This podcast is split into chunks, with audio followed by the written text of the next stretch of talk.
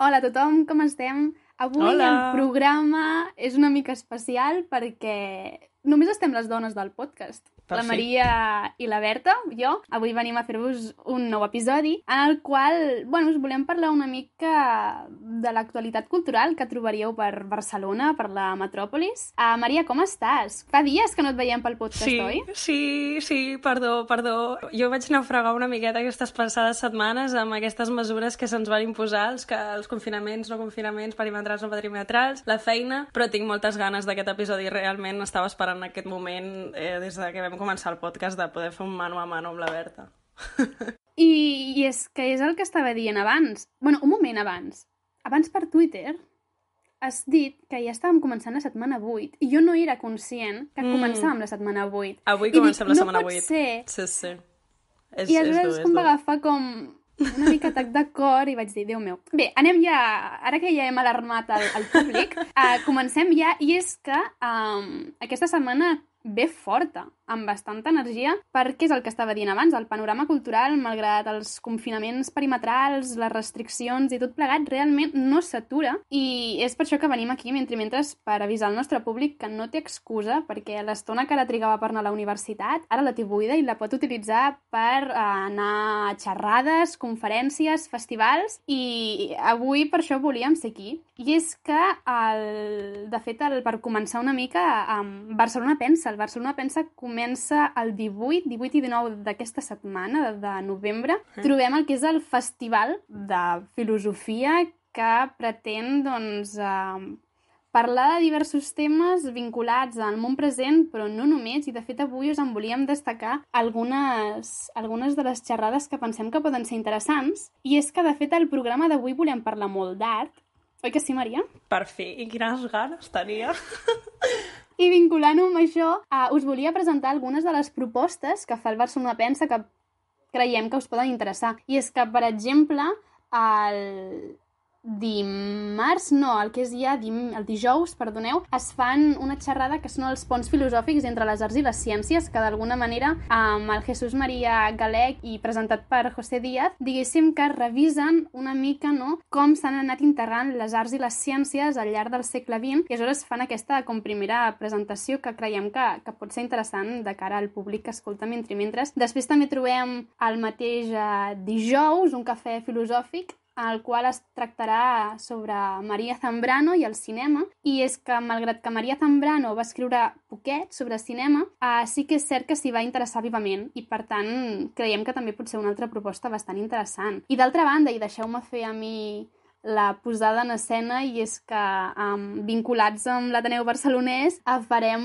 una, una altra exposició també dins del marc del Barcelona Pensa que eh, bueno, es titula com aparèixer marcs de percepció i subjectivitats polítiques amb, Maria, ai, amb Núria Sánchez Madrid i estarà presentat per Laurina Fuster, el qual se centrarà en l'anàlisi d'operacions epistèmics que intervenen en la formació d'opinions i discursos en l'espai públic. Aleshores, bé, des de mentre mentre hem volgut incidir en algunes de les xerrades que creiem que us poden interessar. I, Maria, va, et dono Ah. paraula perquè facis la teva crònica, que sé que tens moltíssimes ganes de Sí. presentar-nos. Sí, doncs eh, jo seguint una mica amb el meu nix, si existeix com a tal, de parlar d'art i de tot el que es relaciona amb aquesta disciplina que ens dona la vida a moltes. Eh, el dijous passat vaig anar a l'exposició de, del MACBA, de Fina Miralles, que es diu Sot tot el que he sigut. Eh, va començar el dia 5 de novembre i la podeu anar a veure fins al 5 d'abril de 2021.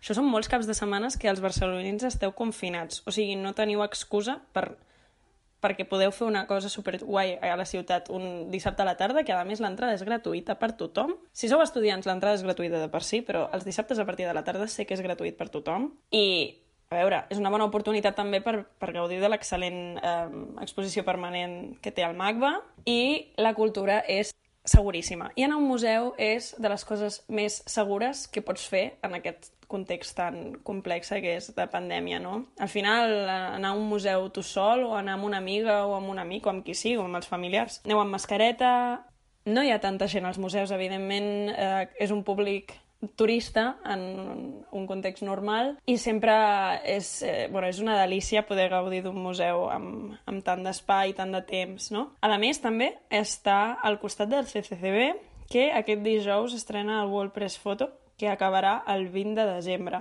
que aquesta setmana hi aniré i amb sort el, la setmana vinent tindreu una crònica o no, o potser algun apunt per Twitter, qui sap. Aleshores, sobre l'exposició. Fina Miralles eh, va néixer el 1950 a Sabadell, va estudiar Belles Arts i el seu, bueno, la seva obra eh, sorgeix durant la dictadura franquista. La particularitat de la seva producció al final és que trenca amb aquestes dues formacions, el context històric i la seva formació acadèmica, um, perquè trenca no només amb el context polític fent una, un art molt polític, molt reivindicatiu, sinó també que trenca amb aquest academicisme i els cànons que ja hem parlat en aquest podcast. És un art de ruptura, i si és art de ruptura, a mi m'interessa. Clar, eh, és una mena de retrospectiva, de, de... a mi m'agrada interpretar-ho així, com les vessants que té l'art de, de Fina Miralles, no? Comences entrant per una sèrie de fotografies que no vull avançar gran cosa, però eh, recorden a artistes amb, amb renom com Louis Bourgeois, per exemple, i el, la tendència de tota l'exposició al final és que és, és un art que et fa qüestionar realment el que és l'art. I, i a mi el que em va agradar molt és, és, és que durant tota l'exposició et recorda totes aquelles persones que diuen que l'art no és polític. L'art és polític, igual que quasi tot és polític. I també està bé perquè al final moltes vegades eh, en el marc de l'acadèmia se'ns ensenya molt aquest art del renaixement, el barroc, eh, l'art europeu, impressionista, etc. I al final és una bona oportunitat també per conèixer un artista que segueix viva, que això és poc habitual en les exposicions a museus, i eh, és catalana, i és dona. Celebrem-ho. Aleshores, també què més vull dir? Què més vull dir? Vale. Doncs veiem gàbies, veiem terra, veiem un llit, veiem fotografies, veiem màscares, veiem pintades que semblen grafitis, i vaig marcar una frase que em va agradar molt sobre una de les peces que més m'agrada de l'exposició, que és eh, Sabat Estampó. Sabat Estampó eh, reivindica una mica el... la propietat perquè Fina Miralles parlava d'una ciutat en la que es relacionava tot amb el context capitalista d'aconseguir un pis, mantenir una família, mantenir el teu matrimoni els teus fills, etc. I va fer unes sabates amb el seu nom imprès a la sola, no? I aquestes sabates deixen la seva petja, el seu nom en el, en el terra, reivindicant que per allà per on passa també, també és de la seva propietat, no? I això no sé, em va agradar molt. I a l'exposició ho diu que no només legalitzem els nostres béns personals per poder adquirir poder, casa, automòbil, terres, objectes, sinó també les persones que es troben sota la nova pro protecció, la meva dona, el meu fill, donant nom per reafirmar que són nostres. Aleshores, aquesta obra és, és molt crítica amb aquesta noció i també la tomba dient que, bueno, que allà per on passa és, és seu. I això em va recordar molt, ja lligant una mica amb, la filosofia perquè la Berta també pugui fer cullerada. Amb un llibre que vaig llegir aquest estiu passat, que és de Fernando Broncano, que es diu Espacios de Intimidad y Cultura Material, que eh, és, un, és un compendi de diversos textos sobre diversos temes com el, el material, la propietat, la vida, l'amor, eh, bueno, llámalo X ja està aquí. I una sociòloga que es diu Eva Youth eh, dirà que l'amor arriba a Occident com a de consum. Y cito al llibre que diu El pisito, el automóvil, viajes y vacaciones juntos, en definitiva planes de consumo que exigen la cuenta conjunta sea que la, la que manifieste con precisión la profundidad del amor. Clar, aquí estem entrant una mica en l'eros capitalista, Bert. Jo no sé què en penses d'això, però és una realitat. Jo saps què penso? Que ara al Bernat li encantaria estar aquí, perquè té la Eva Ilud en un pedestal, i aleshores, uh, sí, sí, sí, de fet, va haver-hi un, un mentrimetres també que vam parlar sobre l'amor i jo també vaig estar tractant uh, temes sobre bueno, com s'havia tractat l'amor en, en tot el que havia estat la, el, bueno, el conflicte de Iugoslàvia i, mm. i ara li hagués agradat estar aquí. Què em penso? Um, has has d'afegir alguna cosa més de la teva crònica? Sí, a veure, ja... jo vale. aquí ho he, doncs, si vols... ho he recordat com a punt, perquè al final... D'acord. Eh, és, és, un, és, un, és un tema habitual, no? Això de, de, de que els objectes ens estan construint a nosaltres de la mateixa manera que el context va construir a miralles i ella es va dedicar a destruir-lo, almenys al meu parer. Però després eh, segueix a la mateixa pàgina dient que en los artefactos se depositan significados, emociones, recuerdos, planes e incluso acciones. El idealismo está en creer que pudieran existir relaciones humanas, lazos sociales, sin la mediación de un entorno de artefactos que no son simples instrumentos en esa relación, sino por el contrario, depósitos de significados en los que las relaciones se hacen inteligibles. I per últim, una altra part que es refereix als objectes, i és los objetos construyen los habitáculos humanos, cubren y ornamentan los cuerpos, comunican y definen identidades y actúan sobre el entorno social activando el amplio espectro de les emocions que organitzen les societats. Clar, aquí diu habitáculos humanos, automàticament vaig pensar en Louis Bourgeois, que va ser la meva estrena... No sé si va ser la meva estrena a Mentrimentres o el segon episodi que vaig fer. Crec que va ser la meva estrena a Mentrimentres, que vaig parlar de Louis Bourgeois i Mujer Casa. Em... Clar, vaig veure vincles per tot arreu. Hi ha una peça també a l'exposició de Fina Miralles, que no sé si es diu Efectes atmosfèrics, que també recorda el quadre de velocitat i vapor de, de Turner. També, evidentment, em recorda a la grandíssima Marina Abramovic, de la qual no penso donar la xapa perquè ja sí, això podem fer un episodi sobre els nostres TFGs quan els acabem. I també, eh, tant en les gàbies com en aquests habitacles que, que es gesten en, aquests, en aquest mm, tenir, en aquest posseir, em va recordar, evidentment, a, a Louis Bourgeois i a la seva exposició de Celdes, que és la millor exposició que he anat a la meva vida i és de les meves artistes preferides, no? Llavors, és, està bé també eh, anar a una exposició amb aquesta perspectiva, no? de veure d'on ho trobes i, i, i, i anar estirant de fils i explicant-nos una mica en llocs com aquests, que parlar del que m'agrada en un podcast, doncs no sé, tothom ho pot fer, o sigui, feu-ho, nosaltres ho vam fer, però, però també és Us guai, animem no? des d'aquí, tant. Um, tot el, el que has explicat, a Maria, m'ha interessat moltíssim. Um, saps que, a més, compartim certa estima cap a l'estètica, vull dir que en aquest sentit sí, sí. ens podem posar Posem-nos, posem-nos. Posem-nos d'acord. Um, aleshores, dues coses, no? I, de fet, una ja te la vaig comentar fa uns dies que vaig pensar, mira, podríem tirar per aquest fil, però l'agafo després, ara abans. No? Comentaves, els objectes ens construeixen, no? I, i al final és el context i de fet fa, fa uns dies ho comentava per xarxes, no? que era el fet de realment si el món és una construcció um, podem crear la construcció en què volem viure, no? I, mm. i estic com molt convençuda, no? que al final aquest context o aquests objectes, el que ara tu tractaves, eh, són els que defineixen la nostra identitat com a individus, però també com a col·lectiu. Aleshores, acaba sent inevitable um, que, que ens construeixin. I no sé si tens alguna cosa a dir, eh? Però no, no, si acaba, no, acaba. Tiro... Acaba, acaba. I si no, ja tiro cap a, cap a la bomba, eh? Que comentaves, no? Aquesta exposició el que permet és com qüestionar una mica el què és l'art, no? La hmm. gran pregunta, que què és l'art... Almenys, uf. almenys aquesta és la, la, la noció que jo en trec, al final. O sigui, el bo d'aquestes exposicions i aquest art contemporani que moltes vegades es tira a terra, jo crec, perquè va més enllà del format habitual del llenç o l'escultura o l'arquitectura, és l'art del futur. Ja ho estan fent. Només anirem endavant, jo crec, cada vegada serà més habitual aquest tipus d'art i al final jo crec que l'art d'art, l'art de la instal·lació, l'art de la performance pot ser tant o més commovedor que un llenç, que evidentment ja hem vist al llarg de la història que té un efecte um, estètic en l'espectador, però ja coneixeu alguns la meva opinió de que aquest efecte pot ser més efímer o menys. Aleshores, si ara segueixes amb aquest fil que estàs a punt d'estirar, que tinc ganes de que estiris, perquè es posarà interessant el, el podcast. Vinga, va, um, obro meló, eh? Perquè, obre, clar, obre'l. quan l'altre dia em vas explicar una mica el, el, el que proposaves, no?, per, per fer a, en aquest programa, i jo et llegia, deia, ostres, de tot el que has estat explicant, a mi el que em ve al cap és um, realment l'art ha de tenir una finalitat, no l'ha de tenir, perquè ara tu comentaves, no? l'art de, de la Fina Miralles, al final dius, és un art que és polític, de la mateixa manera que em dius, tot és polític, no? Per tant, conseqüentment, veiem que, que Miralles, en aquest cas, clarament fa un art amb un objectiu.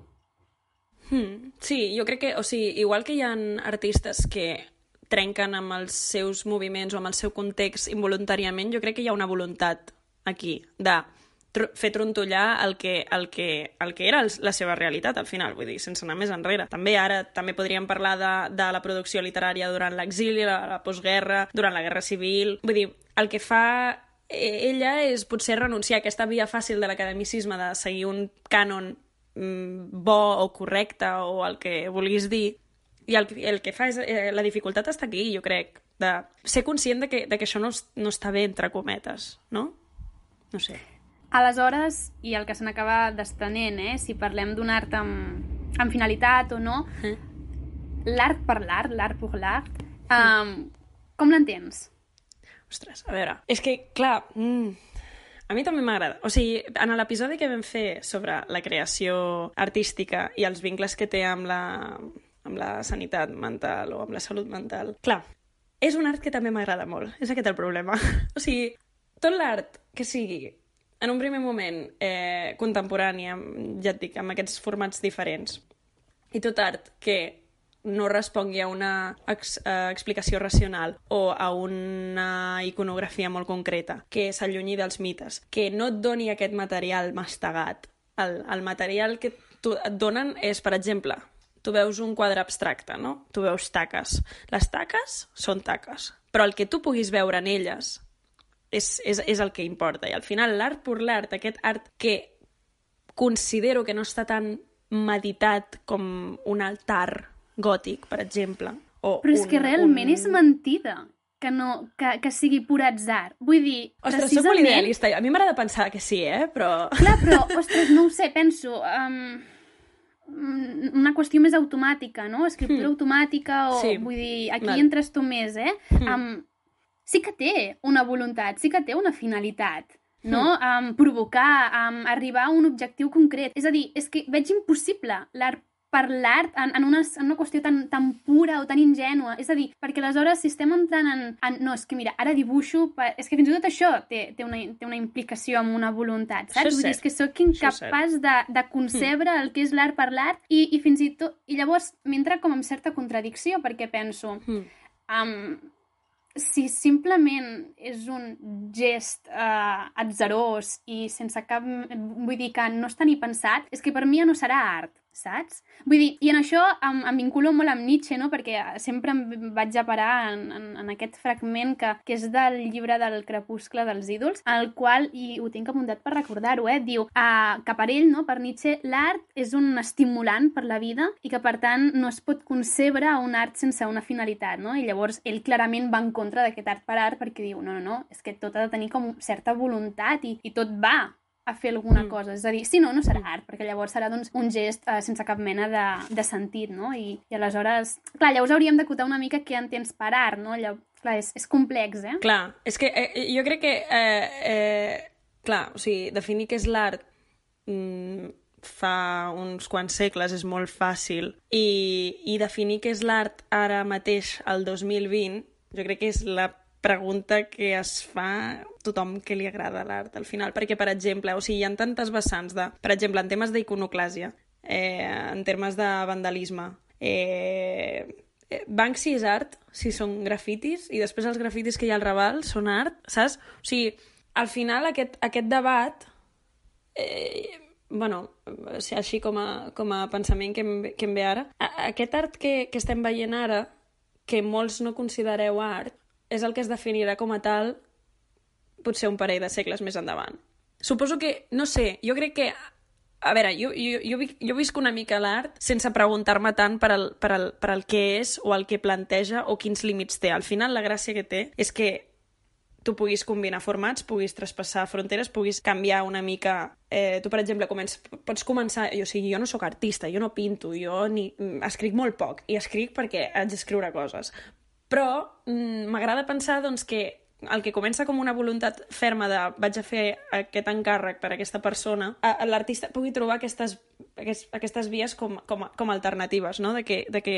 I en aquestes vies són una mica el material que, que aconsegueix extreure'n el- l'espectador en el moment. Al final, per exemple, o sigui, tu fas un encàrrec artístic, no? li, li dones al teu patró, així parlant en termes renaixentistes. El patró veurà el resultat, però perquè aquest acte és, com, és, és un acte de... econòmic, no? és un procés que té principi i fi. Però si tu no tens aquests mitjans, si tu no tens aquests, aquesta informació, és allà on es poden replantejar aquests continguts que estan esparcits en un llenç o on sigui, i és on es poden treure aquestes ruptures o aquestes noves disciplines, jo crec. O sigui, a mi m'agrada... Jo, jo sóc molt idealista amb això, eh? Després ja em fotré d'hòsties en la vida. Però sóc molt idealista i, crec, i, i m'agrada creure en aquest tipus d'art, saps? Clar, però en aquest cas, vull dir, l'artista l'artista re- rebrà l'encàrrec, no? I com que és artista, Sí. d'alguna manera, clar, és molt complicat, eh? Perquè aleshores te'n vas a buscar textos i penses, vale, l'artista és en principi, o segons el, ens diuen alguns filòsofs, com seria, per exemple, Nietzsche o seria Plató, no? Que ha de ser algú, doncs, d'alguna manera, no? Uh, il·luminat, no? Que, que fa tot Mm. un procés artístic uh, feixuc, és a dir, no, no, no cal que, que, que es posi suar tinta, no? Però vull dir que sí que implica com certa concentració, un procés, de cre un procés creatiu al final, no? I penses, sí. um, facis el que facis, no? Um, el producte sigui un quadre renaixentista, uh, sigui un no sé, un, un acte no, uh, performàtic uh, d'edà, no? Al final és que no li veig que sigui... O sigui, aquest saps? No sé si m'explico. També et dic, mira, aquí, aquí et donaré una mica la raó. O sigui, eh, parlant en termes ben, benjaminianos... Vinga, va. Eh, anirem, a, anirem, a, anirem, anirem al nostre amic Walter. Clar, en aquest núvol de, de, de difusió que, que vivim en aquest, en aquest sentit, com que no sabem què és art, tot és art. I això és una cosa que també igual que positiva, pot ser bastant negativa, perquè dius, vale, sí, un quadre renaixentista, però una foto d'Instagram per exemple, saps? Jo et dic, eh? és a dir, el, per mi el que és art és és aquell que ha passat per un procés creatiu eh, de pràcticament... No vull parlar de terme de deliri perquè no... Vull dir, potser és molt extremista i molt radical, mm. um, però sí que és un artista que realment ha passat per un procés um, intel·lectual sí. um, i, i que ha donat aquell producte, no?, i que d'alguna manera se sent lligat a ell, pràcticament clar, com doncs, un fill, clar. no? O sigui, Aleshores, evidentment, sí. Llavors, clar, clar, llavors eh, no deixa de ser que sempre entrarem en termes molt subjectius i probablement el que jo entengui per art no ha de per què coincidir amb el teu o amb algú altre, eh? No, no. Però, però sempre, i d'alguna manera, no? i també pues, en temes um, benjaminians, eh? tot el que és la qüestió de l'aura, doncs, bueno, sí. i ho puc arribar a compartir en alguns aspectes, no? Perquè llavors ja entrem a parlar... És a dir, si al final és un producte i és un producte de la indústria um, i que realment està fet de manera mecànica i que no... Vull dir, després tu li podràs retre tot el culte que vulguis, eh? I, i et podrà agradar, Clar, però a nivell de, de producció artística crec que sí que necessites això, és tot el procés intel·lectual a nivell de bueno, que necessites clar, com processar. Però, clar, aquí, o sigui, et dono la raó, però també et dic que, igual que no sabem exactament què és l'art, hi ha concepcions i concepcions de, de, de l'artista. O sigui, tu pots tenir però, o sigui, jo tampoc crec que es pugui comparar el procés creatiu pel que passa, pel que va passar, jo que sé, eh, eh, Jacques Louis David pintant la mort de Marat amb eh, un encàrrec d'un patró d'un artista que coneixien al, al poble d'on venia ell perquè havia de pagar pues, per, per al menjar de, de cada dia al segle XIII o XIV. Clar. Clar, o sigui, clar, però també, sí, el, el també procés... dic que és una visió mm, com... És bastant acadèmica, al final, perquè, per exemple... Sí, sí, però... O sigui, Digues. Sí, sí, això del procés creatiu, o sigui, jo penso en la meva, en la meva amiga Hanna, per exemple. O sigui, vale, ella sí, té un Hanna. procés creatiu interior no sé, i jo m'agrada pensar que a vegades quan ella pinta o crea, no, no té un fi, ho fa per necessitat. I aquest art també podria ser art per l'art, perquè està donant-se una confunció... Aquesta necessitat pròpia que té el, en aquest cas la Hanna, no, com a artista, Per exemple, jo també, ara, sí. ara que estem parlant d'amics i els hi fem promoció, Sí. penso en el Hola, Joan. Hanna. Hola, Joan Moneo, no? Um, també, també!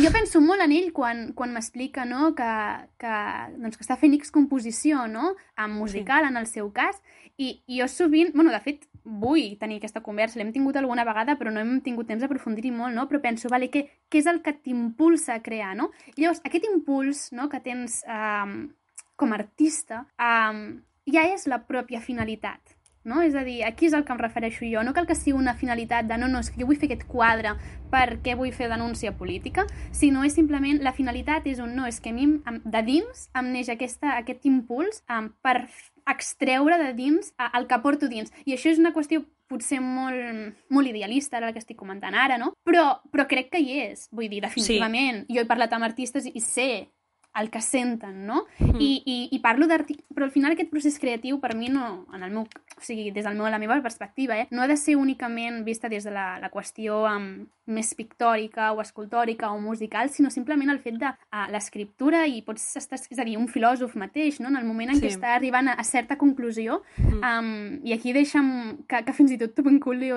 t'ho vinculia a Heidegger, no? La qüestió d'aquest poetitzar al final de, de, de per expressar aquest produc el producte creatiu que d'estar com amb certa obertura no? Un, un, una condes... Sí, un... ell parla de, de l'apertura del ser, no? Um, al qual a partir d'aquesta obertura i d'aquest estat, no sé si dir-ne pur, potser depèn de quin ho pot malinterpretar, eh? però d'alguna manera flueix el resultat i ell parla que aquest, aquest fluir ha de ser absolutament poètic, no? No perquè s'hagi de sorgir poesia, sinó per aquest llenguatge poètic, un llenguatge poètic es pot extrapolar després a un llenguatge musical o literari.